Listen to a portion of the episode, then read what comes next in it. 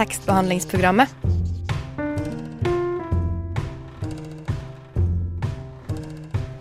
Tekstbehandling på radio.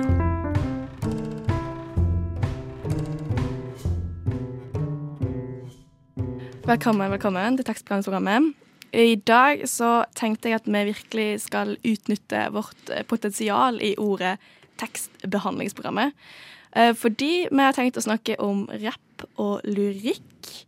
Eh, Og ofte den lyriske verdien rapptekster kan ha, uavhengig av på en måte rytmen den er bygget på. Så vi er kanskje litt ut på dypt vann, for det er ganske langt eh, fra den faste, tradisjonelle boken vi kanskje har snakket mye om eh, her. Men jeg tror det blir veldig interessant, og vi valgte oss ut tre tekster um, som vi skal snakke om senere. Um, men først, så i studio, så er det meg, Alva Nomdal Kjensli, og så har vi Julia Beso, hallo. Og Anne Elisabeth Øyragen Akselvold. Yes, nydelig. For en gjeng. Um, jeg tenker, Før vi begynner å snakke om rapp og lyrikk, så er det sånn, jeg elsker å ha den der Hva leser dere-runden, for da får jeg alltid gode tips. Uh, så jeg lurer Hva leser du nå, Julia? Jeg leser, eller jeg leser alltid to ting, på en måte. Fordi jeg hører en ting på lydbok, og så, og så leser jeg en ting liksom før jeg skal sove. Uh, så jeg holder på å høre den Girl, Woman, Other, hvis dere har hørt om den. Av Bernadine Evaristo heter hun. Og den er eh, Jeg var egentlig litt skeptisk, fordi den forteller, liksom li, forteller om livene til mange ulike kvinner. Eh, stort sett britiske svarte kvinner. Eh, og veldig sånn post-brexit, veldig moderne. Og veldig sånn typete, ikke sant. Veldig mange eh, Det handler om identitet på en veldig identitetspolitisk måte, som gjør at folk liksom eh, framstår som representasjoner for ulike identiteter. Var mitt første inntrykk. Men nå er jeg halvveis inn i boka, så begynner jeg å se sånn ah, det, er, det er mye mer nyanser Mm. enn hva jeg trodde. Eh, og det begynner å bli skikkelig interessant, også fordi alle de separate historiene kobles sammen. Og så blir det et helhetlig, veldig fascinerende univers da, eh, og bilde. Mm. Stilig. Så det koser jeg meg med. Anbefales veldig. Ja. Mm. Det er alltid imponerende å fatte og klare liksom, å flette sånne små historier i begynnelsen, så blir det til noe sånn stort. Ja. og blir sånn, wow, Mm. Absolutt. Hva leser du, Anne? Eh, veldig, veldig masse pensum. Eh, Men eh, jeg fikk utrolig mange fine og stilige bøker til jul. Så lillesøstera mi har kjøpt 'Mordet på Henrik Ibsen'. Og av våre faste lyttere så vet en jo at Henrik Ibsen er min hjerteforfatter. Så jeg gleder meg veldig til å komme i gang. Akkurat nå har jeg bare lest, eh, lest innledningen, men jeg tror det blir veldig spennende. Åh, jeg hørte den er så veldig Bergen-patriotisk, og det er Ja. skøy. Passer godt. Så gøy. Um, jeg leser en bok som heter 'Ida tar ansvar'. Det er nettopp blitt en, en serie av den boken. Så jeg tenkte jeg skulle, jeg tenkte jeg skulle lese boken veldig lenge, men nå har jeg et sånt stort initiativ før jeg ser serien, så må jeg lese boken. Ja. Uh, og jeg liker den veldig godt. Det handler om uh, en psykologistudent som går på Blindern. Det er mye om Blindern, mye om UN og alle sånne studenttingene jeg er midt oppi nå, så jeg liker den veldig godt. Og så handler ja, Hun skriver veldig bra om, om måte, katastrofetanker og mye, sånn, ja, mye spennende inni den, så den anbefaler jeg til alle. Så kult. Stilig. Um, vi skal snakke senere om rapp eller lyrikk, men før vi skal det, så skal vi høre en sang av Emil Karsen kalt Muhota. What? Radio Nova. Du hørte nettopp eh, Muhota av Emil Karlsen, og vi er fortsatt her på tekstbehandlingsprogrammet.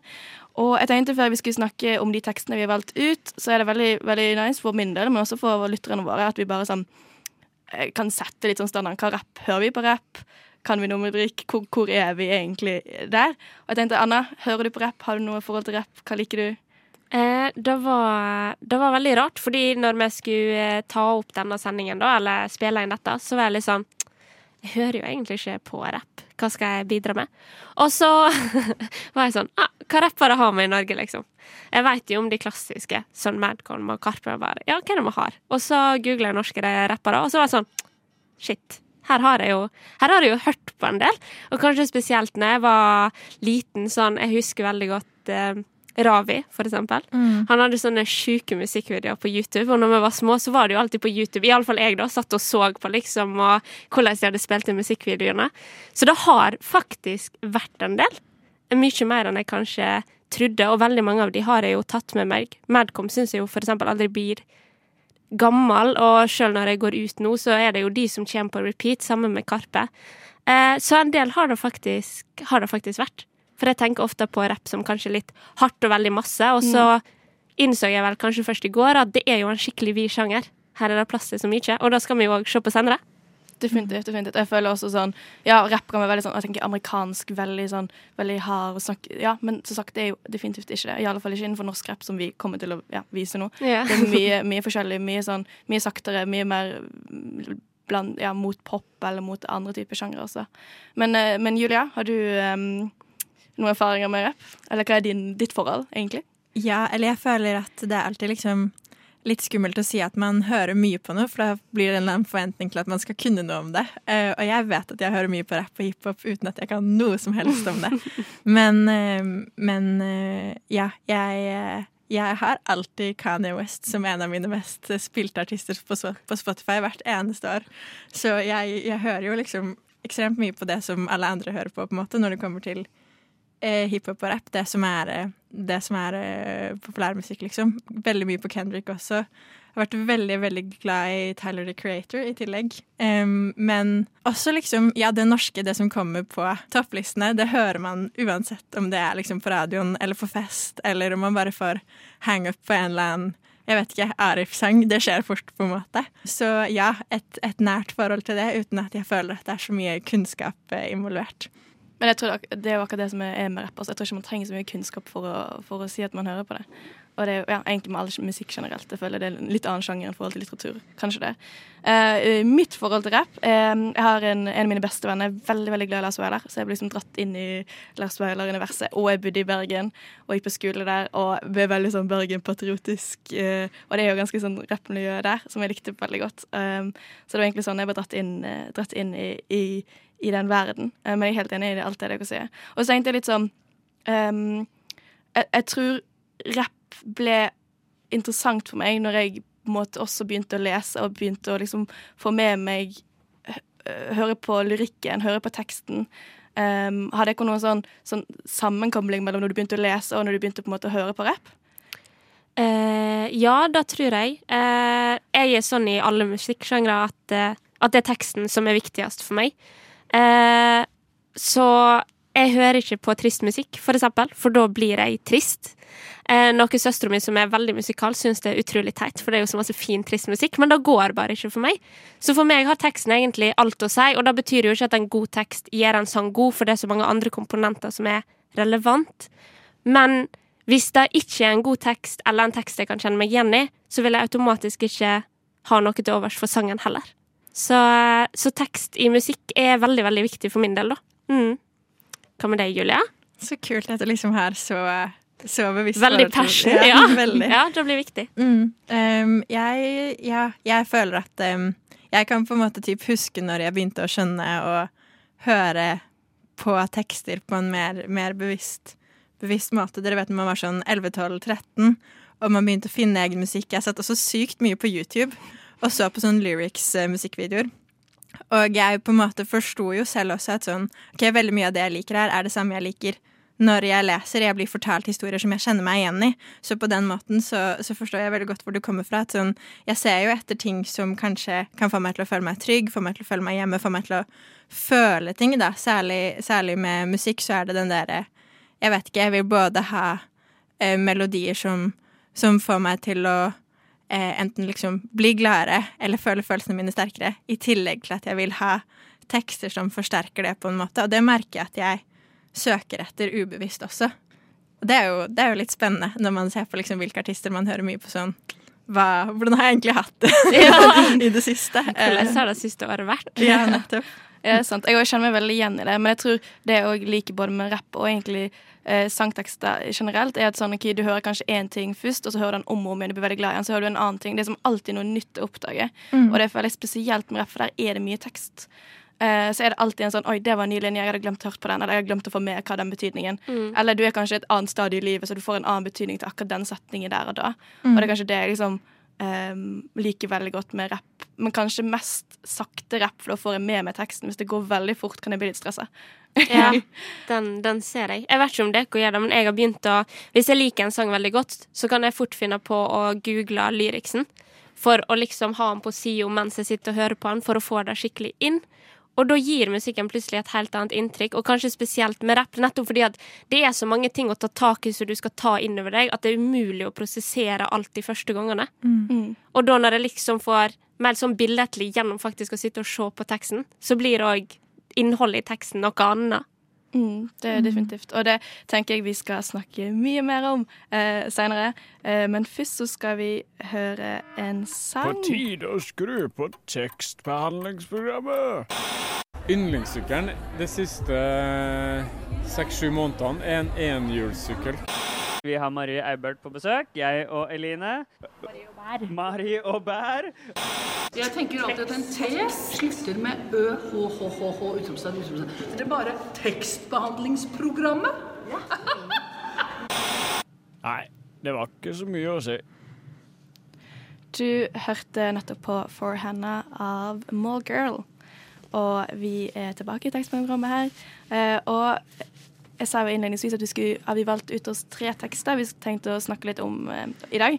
Og du, Anna, har jo valgt eh, 'Attitude-problem' av Karpe. Eh, en veldig kul og stor artist som jeg tror ikke trenger så veldig mye innledningsvis. Eh. Men, men hvorfor valgte du akkurat den, den tekstdelen der? Eller hvorfor valgte du Karpe i utgangspunktet, egentlig? Eh, for det første så tenker jeg vel at når en har om rapp, så er Karpe sjølskrevne. Eh, I alle fall eh, her hos oss. Eh, det er jo, de er jo en stor slager, og de har jo nettopp kommet ut med nytt album. Så jeg syns nesten det fortjener en liten heder bare der. Så er det en av de gamle klassikerne jeg som sagt har valgt ut. Eh, og det var litt fordi jeg hadde nylig en aha-opplevelse. Ikke bare med Karpe, men med rapp. For i tilknytning til det nye albumet sitt, så var de på P3 Morgen. Og så hadde de hatt dette tradisjonelle intervjuet. Hva syns dere? Bla, bla, bla. Hvordan går det? Hva tenker dere videre? Hvordan har livet vært? Og så rett før de skal slutte av, så sier Martin i studio sånn Vent, vent, vent. vent. Det er noe jeg er nødt til å spørre om.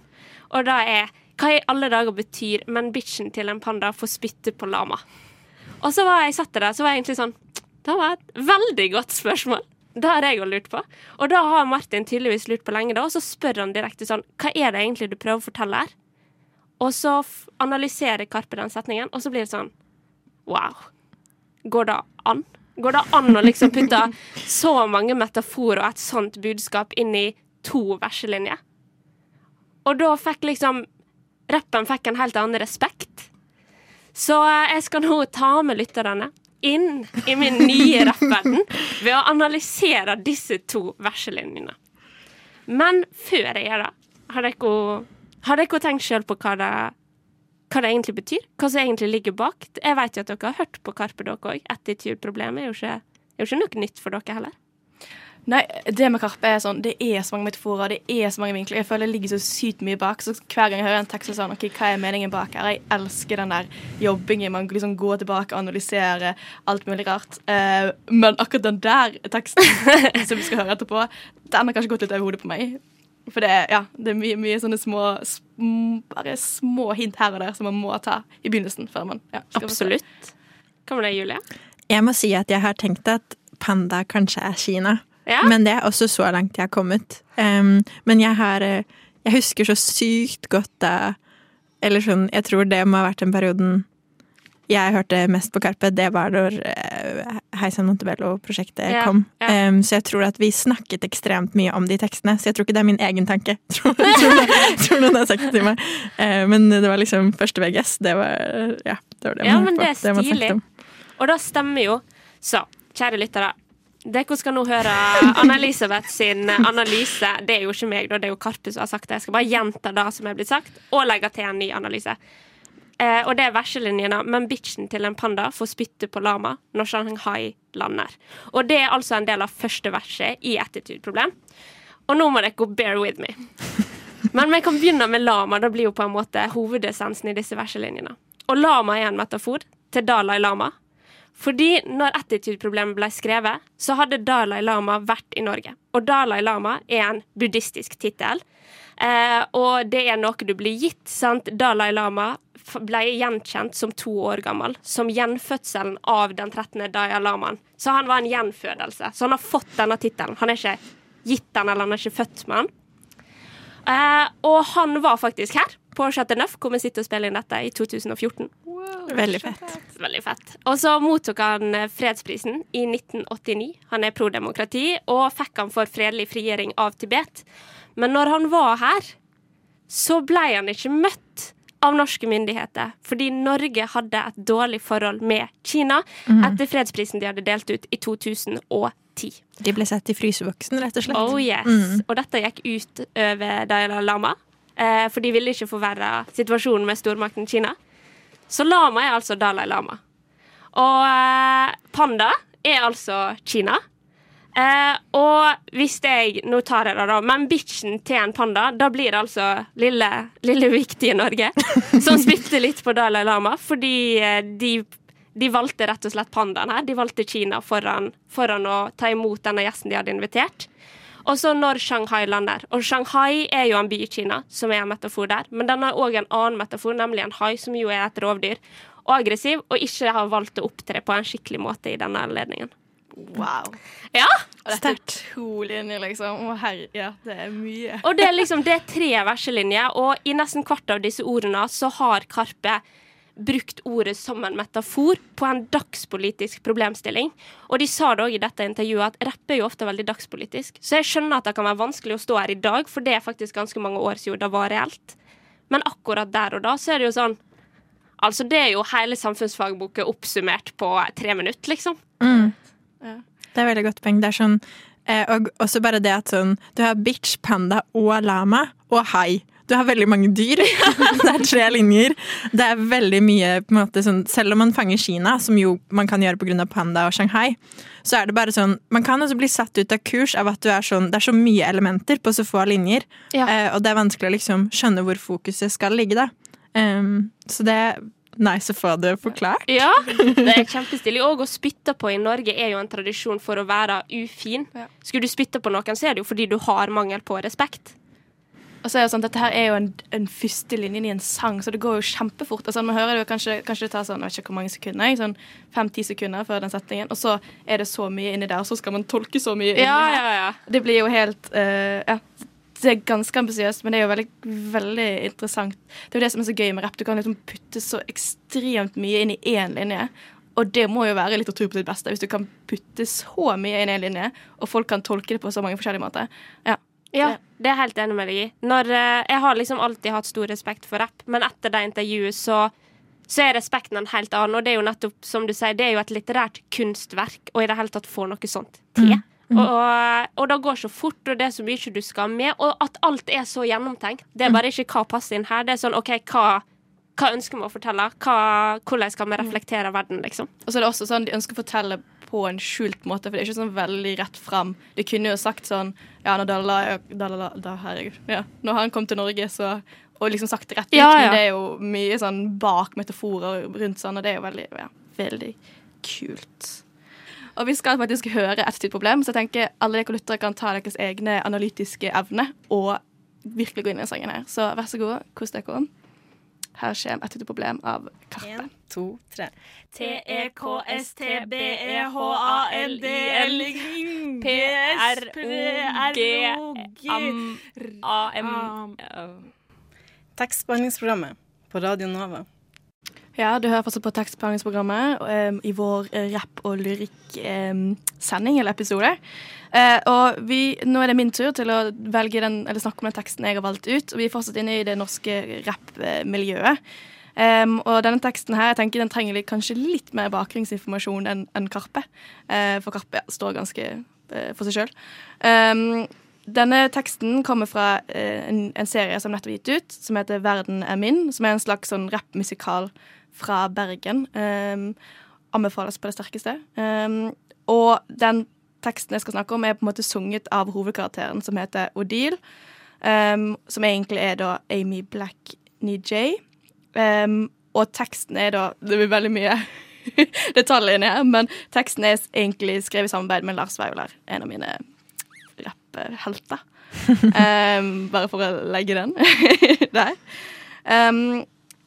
Og jeg tenkte jeg skal lese teksten for dere her nå, eh, kjære lyttere, og ta dere med inn i denne, dette universet her. En nydelig tekst um, som jeg håper dere liker. Og denne sangen heter da 'Smørblomst'. Hun sa hun ville ha alle mine åpenbaringer på en bar den gangen vi snakket om barn. Å ha eller ikke å ha. Mener å huske at jeg sa at å spille piano, det er litt som å onanere. Hun satt foran en grønn plante som sto foran en grønn vegg. Og jeg tenkte om bladene kunne overleve inne, burde jeg kunne overleve ute. Utenfor rutenettet. Noen tredde over meg når da jeg var 13. Det er teksten. Um, og i motsetning til Karpe, så er det, litt mer tekst her. Og kanskje ikke så mye symbolbruk eller politisk um, å ta fram. Men jeg syns den får veldig fint fram denne følelsen av å måte finne seg sjøl, og i motsetning til hva andre tenker om deg. Iallfall dette her med hvis den kan overleve inne, kan jeg overleve ute. Og dette med å trekke ned um, Hva er det stå Utenfor rutenettet. Noen trakk ned over meg. Um, jeg syns det er noen sånne bare setningsdeler som bare skyter ut mot meg. Og er sånn Oi, shit. Her var noe kult. Dette vil jeg uh, se mer på. Hva, hva handler dette her om? Og så tenker jeg, denne sangen har jeg hørt mye på, og at jeg kanskje er litt farga av både måten den spiller inn, og i serien den kommer fra. Så både du, Anna og Julie, har jo ikke hørt den teksten noen gang. Så jeg tenker sånn, hva er deres eh, automatiske reaksjon på det dere får høre? Jeg syns det, det er skikkelig, skikkelig fint, og på en måte eh, veldig enkelt. Sånn, det slår meg som en slags sånn assosiasjonsstrøm som jeg i denne teksten har. Eh, og så likevel så forstår jeg at det er ting jeg ikke helt fanger der, da. Men, eh, men jeg syns det, er- det er veldig liksom Jeg vet ikke, det er veldig fine bilder, og, og det er også kule, kule rytmer der, typ sånn både rutenettet og 13, og eh, overleve inne overleve ute. Altså det, det er mange, mange fine elementer som, mm, som skaper en kul rytme, i tillegg til å være fine bilder, da. Er det første jeg tenker på. Jeg er veldig enig. Jeg òg får sånn eh, automatisk bilde at jeg ser liksom for meg et scenario mens, mens du leser opp teksten til oss, eh, Alva. Og da, det blir veldig fint. Jeg syns òg det blir ganske harmonisk. Mm. Eh, så må jeg innrømme at eh, den stemningen jeg kommer når jeg leser, vet ikke helt om jeg skal være glad eller vemodig. Det blir litt sånn Får litt blanda følelser av han på en veldig, veldig fin måte. Og kanskje òg dette med at det blir referert til en form for barndom. Da går det jo automatisk inn i en sånn assosiasjonsboble, på en måte. Mm. Og spesielt alderen 13 år, føler jeg er sånn Da er man totalt sånn identitets... Eller så jeg føler det, Man er så usikker på alt rundt seg, og man tar veldig inn seg alle tankene. Iallfall med det å trekke rutenettet. Jeg føler man kommer veldig sånn rutenett når man er 13, iallfall i min erfaring. Kjempenervøs for alt, hva alle syns og sånt. Um, ja, jeg er veldig, veldig enig. Det er sånn mm, åpenbar Ja. Fordi det jeg syns er veldig kult med også sånn lyrikk generelt, at man både blander veldig sånn hverdag og lyriske begreper. Altså sånn ute, inne, grønn plante, og på en måte dra det inn i en sånn en ny konstellasjon som man kanskje ikke bruker vanligvis. Um, men denne, denne handler da om eh, Egentlig seinere i teksten så kommer det Vi skal høre den seinere, heldigvis. Eh, handler det på en måte om eh, Hvis man bare for å gi en bakgrunnshistorie om det å være lesbisk som, som 13 år. Um, og det er på en måte eh, åpningssetningen til teksten, så blir det mye mer sånn personlig i løpet av teksten. Så da tenkte jeg at vi faktisk bare kan sette oss ned og høre på denne teksten. Den er veldig nydelig. En av mine favorittsanger akkurat nå. Um, hør godt etter, eh, og hør den gjerne om og om igjen. Uh, her kommer 'Smørblomst' av Odile. You have bewitched me, body and soul, and I love, I love, I love. Tekstbehandlingsprogrammet på Radio Nova. Da har vi allerede gått gjennom eh, to nydelige tekster. Um, og nå skal vi Vi er fortsatt inne i norsk, norsk med, Uh, veldig, veldig gøy. Uh, og nå, skal vi høre hva, hva, du, Julia, har eh, funnet. Du er uh, Cezinando, også et veldig kjent navn. Kanskje ikke trenger så veldig mye intro der heller. Hvorfor valgte du Cezinando? Jeg, jeg har valgt Cezinando fordi jeg føler at det er litt, det er litt sånn som Karpe, egentlig. Eller sånn, og litt sånn som Lars Vaular også, for så vidt. At sånn, det er noen, noen navn, noen artister som har fått definere veldig mye av hvordan norsk rap og hiphop ser ut akkurat nå. Og den har definitivt hatt en mer følsom og melodisk vri, tror jeg man kan trygt si, de siste årene. Eh, og på en måte så kan man jo kanskje si at Lars Vaular har banet litt den følelsesladete veien for, for veldig mange rappere, fordi at han virkelig liksom har turt å eksperimentere både liksom formessig og følelsesmessig. Eh, men Cezinando er også en av de jeg føler at har gjort det.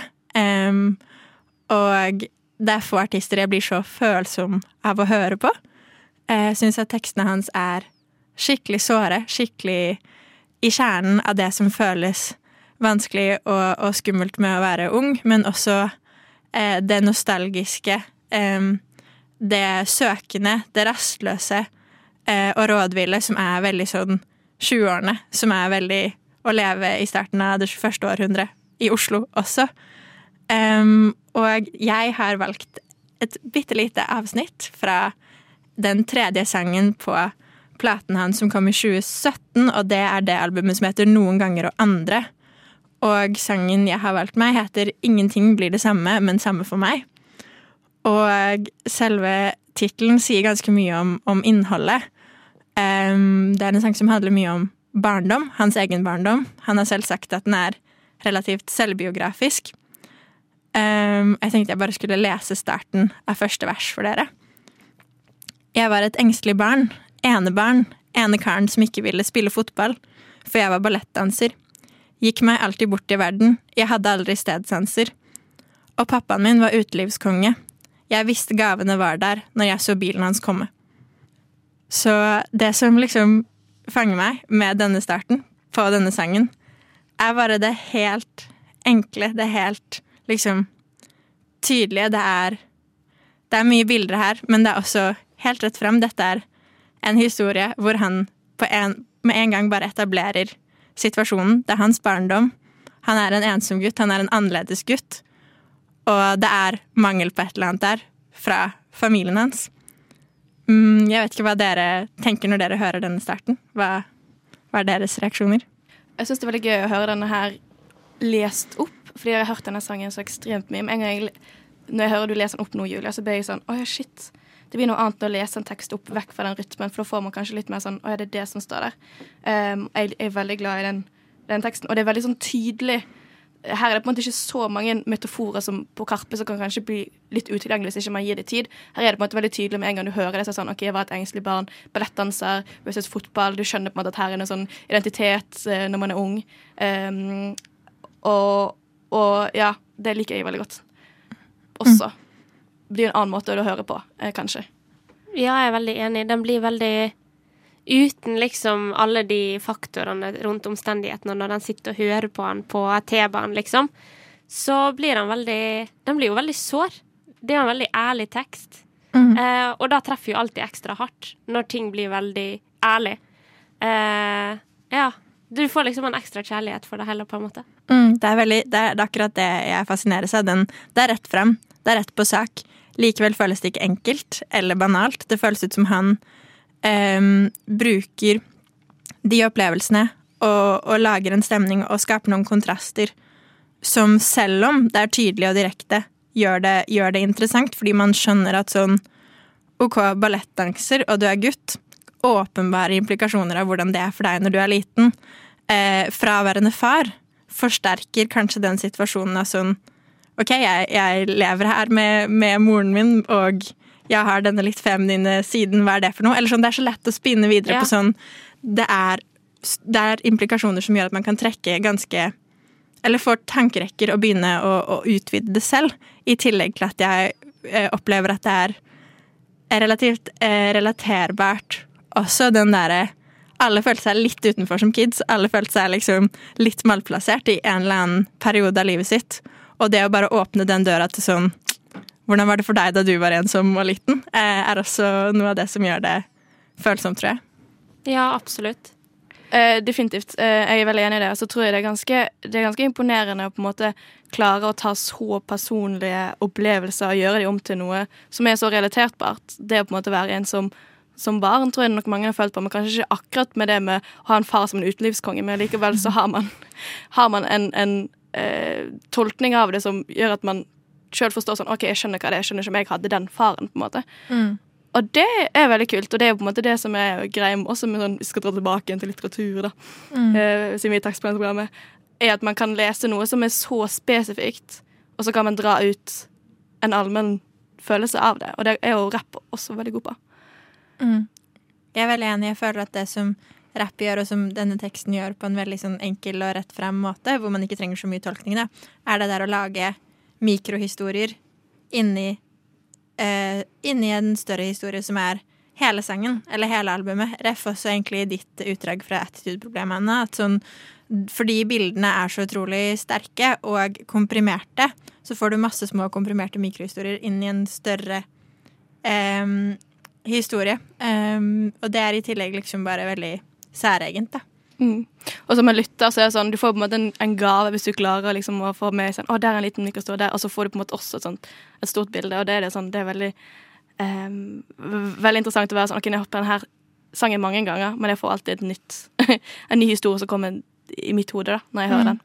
Um, så det, det er bra. Du er jo litt på skattejakt, på en måte. Du er liksom alltid på jakt etter noe mer, og rappen fortsetter liksom å levere. Og så syns jeg at det blir liksom, nå når vi har vært gjennom alle tre, da, og kanskje spesielt Julia sin siste av Cezinando, at det viser veldig godt den bredden som jeg ikke hadde tenkt rapp hadde i utgangspunktet. At det blir veldig godt illustrert her, for du er innom så masse forskjellig, og allikevel så er jo alt rapp uten at du ville tenkt eller blunka før du på en måte konkluderte med det, men det kan være så sårt, det kan være så dagsaktuelt, det kan være så poetisk, sånn som teksten til Alvar. Du får liksom Spekteret er så stort, da, og respekten er så stor. Definitivt. Og det tror jeg også sånn, fordi um, rapp er jo ikke som en bok eller som en diktsamling. Det er jo noe man, eller musikk generelt er noe man bare tar på seg, hører på når man skal på T-banen, eksempel. Og det er den muligheten av at man, man tar det, man hører på det i helt sånne hverdagslige situasjoner, så plutselig sånn øh, følger man litt med på teksten, så får man med seg den lille delen. Og det er, liksom, det er en helt annen format enn enn både bøker og lyrikk. der Du på en måte må allerede på forhånd sette deg inn i det. Men her får du det på en måte servert akkurat når du trenger det, hvis det gir mening. Ja, absolutt. Det er jo litt en følgesvenn i livet. Du tar det jo med deg overalt. Og mest når du er aleine. Altså musikken da, og rappen når vi hører på, han sørger jo for at du ikke går noen plass alene, for den er alltid med deg. Mm. Særlig Cezinando, som føles ut som sånn Dette er bare en god venn, liksom. Det er, Ja. eh, det er hvis, du, hvis du trenger å føle på noe, hvis du trenger å være litt sårbar, liksom. Kjempelett å bare gå til det albumet og ja, eh, krølle seg sammen. Ja. Eh, og nå, kjære så skal dere nettopp eh, få gjøre det. Dere får høre på sangen av Cezinando. Ingenting blir det samme, men samme for meg. Du lytter til Radio Nova. Eh, du hørte nettopp eh, Cezinando sin sang 'Ingenting blir det samme, men samme for meg', som vi nettopp eh, har snakket eh, mye om. Eh, men nå begynner vi å nærme oss eh, slutten her på denne, denne rapp- og lyrikksendingen som jeg har virkelig kost meg med. Um, så jeg lurte litt på hva, hva følelser sitter dere, dere igjen med etter å ha liksom diskutert tre tekster? Hadde har det noe sånn 'Å, håp for rappen, nå skal jeg gå hjem og høre på rapp'? Jeg skal gå hjem og kjøpe billetter til Kadetten. Nei da. Um, em, jeg jeg syns det er stas. Jeg føler at um, det er litt um, Det er litt indulgent, nesten, å la seg selv liksom ta med, ta med favorittsanger eller gode sanger til studio og være sånn Dette er det jeg har tenkt over, fordi eh, Fordi at man har, man har mye på hjertet eh, om det, da, og ofte sine egne tolkninger eller egne ting man er fascinert av, og så er det veldig fint å, å snakke om. Det blir på en måte en inngang til, til andre ting også, om det så er politisk eller personlig eller Definitivt. Ja, det er veldig personlig, faktisk. Jeg, ikke tenkt, eller, jeg kom på det når du sa noe. Det er, man utleverer sin tolkning av en tekst. Mm. Og i det når man utleverer den tolkningen, så utleverer noe av seg sjøl også. Så det, Absolutt. ja, ja, en kler seg litt naken i lag med tolkningen av sangen, for tolkningen blir jo veldig prega av en sjøl som person. Men eh, jeg må jo innrømme at eh, rappen har fått en litt ny plass i hjertet mitt. Litt mer plass til rapp. Så ærlig skal jeg være. Yes, Nydelig. Det var akkurat det jeg håpet på etter, etter denne sendingen. Mm. Eh, og hvis dere hører mer av våre sendinger, hvor kan du høre de da? Anna? Alle plasser du kan høre podkast med Everywhere. Ja, og bare gjør det. Gjør det. Mm. det er veldig bra. Ja. Do it. Og i studio så er det meg, Alva Namdal Kjensli, og så har vi Meg, Anna Elisabeth Eiragen Akselvold. Og meg, Julia Bueso. Og tekniker er faktisk også meg, Alva Namdal Kjensli. Det er så sterkt. Hey! så det er ja, som så.